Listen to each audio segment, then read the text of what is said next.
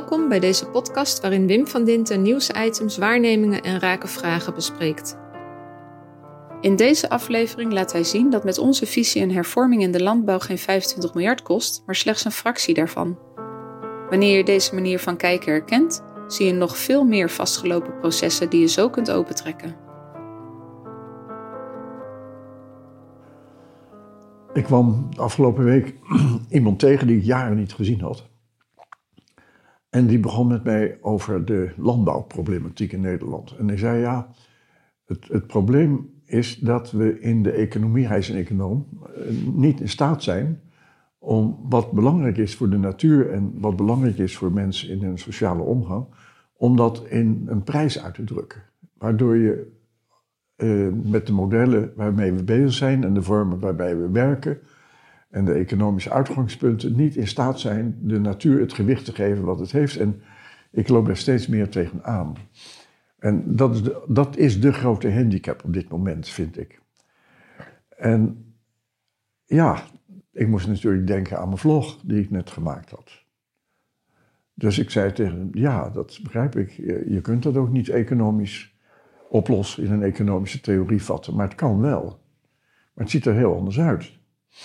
Dan, dan moet je uitgaan niet van uh, een model en denken waarin het past en alles expliciteren, maar dan moet je uitgaan van mensen die met de natuur bezig zijn op een manier die je voorbeeldig vindt. En die tegelijkertijd ook met anderen bezig zijn op een manier die je voorbeeldig vindt. En toen was ik natuurlijk bij de vlog die ik vorige keer gemaakt had, een visie op de landbouw in Nederland. Waarin ik vertelde dat de bioboer die voorbeeldig is, maatstaf wordt van het landbouwbeleid in Nederland. Normgevend wordt, heb ik het genoemd. En ik legde dan hem dus ook uit dat die boer die gestalte geeft aan bioboeren op een manier die we graag zouden willen en die past bij de natuur, dat daarin alles is vervat wat je nodig hebt.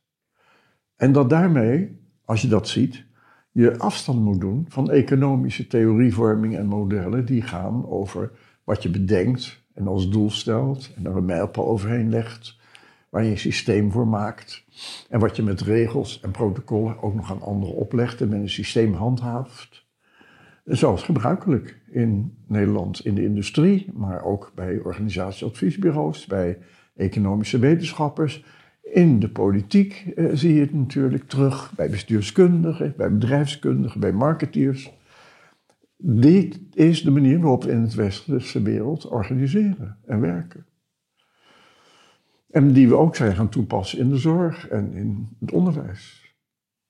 En je bent dan natuurlijk kwijt dat als iemand voorbeeldig omgaat met de natuur en daarin gewicht geeft aan wat de natuur nodig heeft. En wat je de natuur niet mag aandoen. En hoe je omgaat met anderen daarin. Dat je dan in een positie raakt waarbij je eigenlijk ja, afstand doet van de manier waarop je altijd gekeken hebt. Dat zei ik tegen hem ook. En hij zei, ja, ik ben er ook over gaan denken om een dissertatie te schrijven over dit probleem. Want dit is natuurlijk het probleem van deze tijd. Ik zei, ja, maar dat is, dat is opgelost daarmee. En het zit natuurlijk ook in het fenomeen dat als je dat doet, dat je dan een visie geeft op hoe mensen in beweging zijn met anderen en in wisselwerking zijn, nog een keer dat woord gebruiken. In die wisselwerking ontstaan evoluties. En als je een richting geeft, wat een visie is, dan kun je verwachten dat mensen op hun plek, als die visie passend is, het ook gaan doen zoals je daarmee richting gegeven hebt. Dan leg je niet op en je hebt het niet over issues. Maar je geeft een lijn aan waarin zij zich bewegen. Dus dat heb ik gedaan in mijn vlog, een visie op de landbouw in Nederland. En daarin vertelde ik dan dat die bioboer, die voorbeeldig is, normstellend is voor de hele sector. En ja, dat is natuurlijk een fantastische overgang. Als je intensief bezig bent geweest en met geld verdienen bent bezig geweest. En met doelen stellen en zorgen dat je kunt negeren wat afleidt van je doel en afleidt van je rendement. En je moet ineens over naar al datgene wat ertoe doet betekenis geven. Dat doe je niet zomaar. Dat is niet alleen een andere methode, ander handelingsrepertoire, andere oordeelsvorming, maar je geeft op een hele andere manier betekenis aan verschijnselen. Dat gaat, dat, dat gaat van oud, dat, dat, dat is een psychisch proces. Dat kost tijd. Je, je, je probeert het je voor te stellen. Je doet het in kleine stapjes.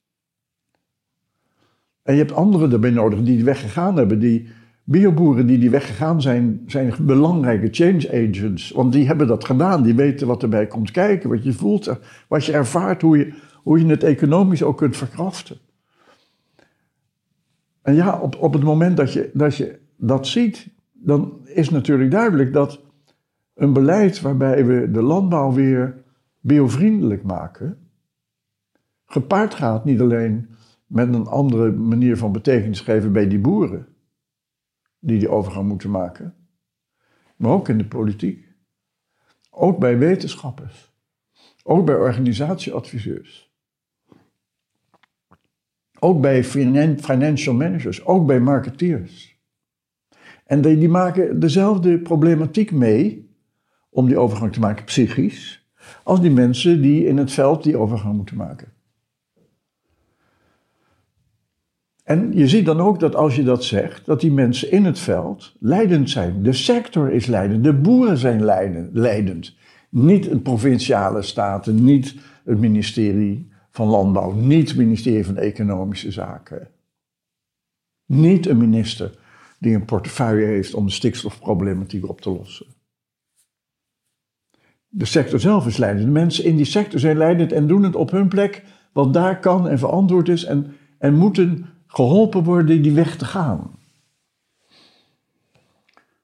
En ja, als ik dan doelen stel met mijlpalen, realiseer je je dan dat je iedere keer als je een doel stelt en een regel invoert en een eis oplegt, dat je dan dat evolutionaire proces dat een wisselwerking zijn met je omgeving verstoort als je meegaat met die eisen die gesteld zijn. En je vindt dan dat je zo belangrijk bent dat je er 25 miljard voor uittrekt als politiek. Maar als je het in wisselwerking gaat doen, heb je die 25 miljard niet nodig. Hier en daar wel smeerolie wat. En misschien 1, 2 miljard in die visie van mij. 1, 2 miljard. Daar kun je het proces mee draaien. En de sector zelf doet de rest wel. Bovendien krijg je aan het eind van dat proces ook een markt, een nieuwe markt, waarin degene die voedsel kopen, de prijs betalen die past bij die landbouw. Als je te werk gaat met modellen en frames en geld ernaast legt en boeren uitkoopt, heb je nog steeds geen markt dat in evenwicht is tussen dat wat wordt aangeboden en dat wat wordt gekocht. En je ziet dus ook dat als je deze weg gaat, die 25 miljard die er eerder werd gesteld, ja, op een hele andere manier uh, gebruikt moet worden. Maar je kijkt ook anders naar geld. Laat nou afgelopen week mevrouw Kaag als minister van Financiën in Sharm el-Sheikh hebben gezegd dat zij vindt dat de problematiek van de crisis in deze tijd, en dus ook de landbouw en het klimaat, dat die alleen opgelost kan worden als je anders omgaat met de geldstromen en dat ministers van Financiën wereldwijd bij elkaar zouden moeten komen om daarover te praten en eh, die geldstromen anders te allokeren. Daar, daar ben ik het wel mee eens. Maar als zij doen vanuit doelen stellen, mijlpalen maken, uh, modellen eroverheen leggen, regels neerzetten, systemen maken, dan komen ze heel ergens anders uit dan waar ik uitkom. Want het is niet waar dat dat proces heel veel geld vraagt om te veranderen. Die mensen doen het zelf en dat moet je mogelijk maken. Het feit dat je met grote bedragen aan de gang bent, laat zien dat je geen visie hebt, die niet kunt ontwikkelen, waarin mensen een richting krijgen en ze het zelf kunnen doen. En dat ervaren we ook in bijna alle westerse landen steeds harder als verlies van democratische kwaliteit. Of het nou gaat over de zorg, of het gaat over hoe politieke processen verlopen, of over de landbouw, of over het onderwijs. Iedere keer zie je dat de regering, een overheid, wel een gemeente, wel weet wat wij moeten doen. In plaats van mensen ondersteunen, faciliteren, helpen, wegen te gaan en het met elkaar voor elkaar te krijgen, worden ze bestookt met opdrachten, met dwang, die niet bij een democratie hoort.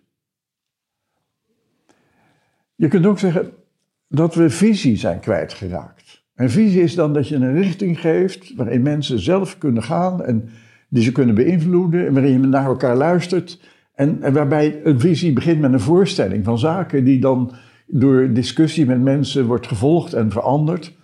En waarin media een rol zouden kunnen spelen. Maar als de media ook denken in dwang en regels, zoals onze media in Nederland, met name de NPO, dan is die wereld van openingen maken, van visie ontwikkelen, van zo'n evolutionair proces zichtbaar maken, vergaan. Het is dus niet alleen de politiek die een slag moet maken en die boer die een slag moet maken. En wij allemaal die in die zin een slag moeten maken. Maar ook de media moeten die slag maken. Zijn cruciaal in dat proces. Zijn verstopt met denken in modellen, dwang en regels en systemen.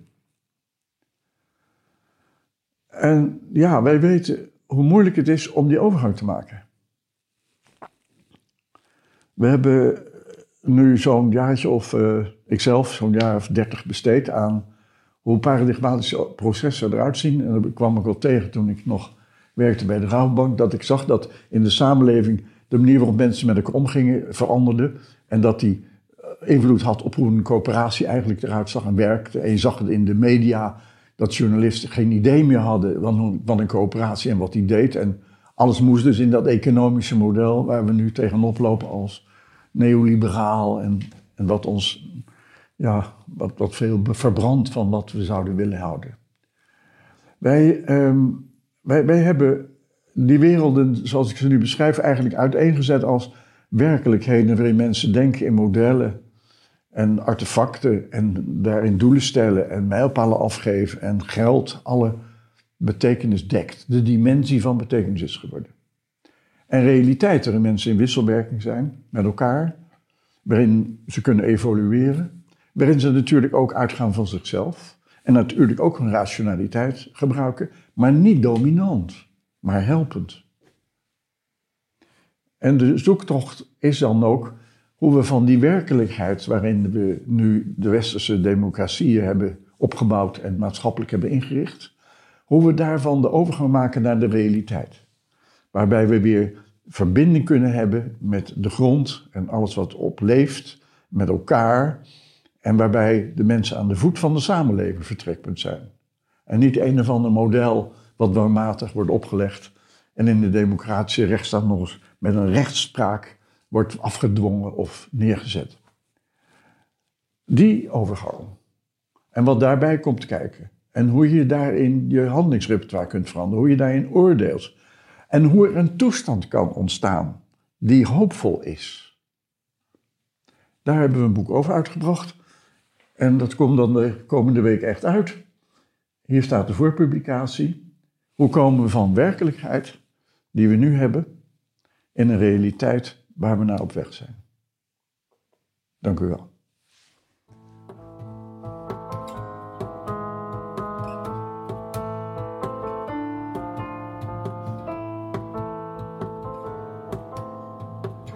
Er is ook een vlog van deze podcast. Klik daarvoor op de link die je vindt in de omschrijving. Heb je een vraag of item waar we volgens jou aandacht aan kunnen besteden? Stuur een berichtje naar czen, apenstaartje of via Facebook, LinkedIn of Twitter.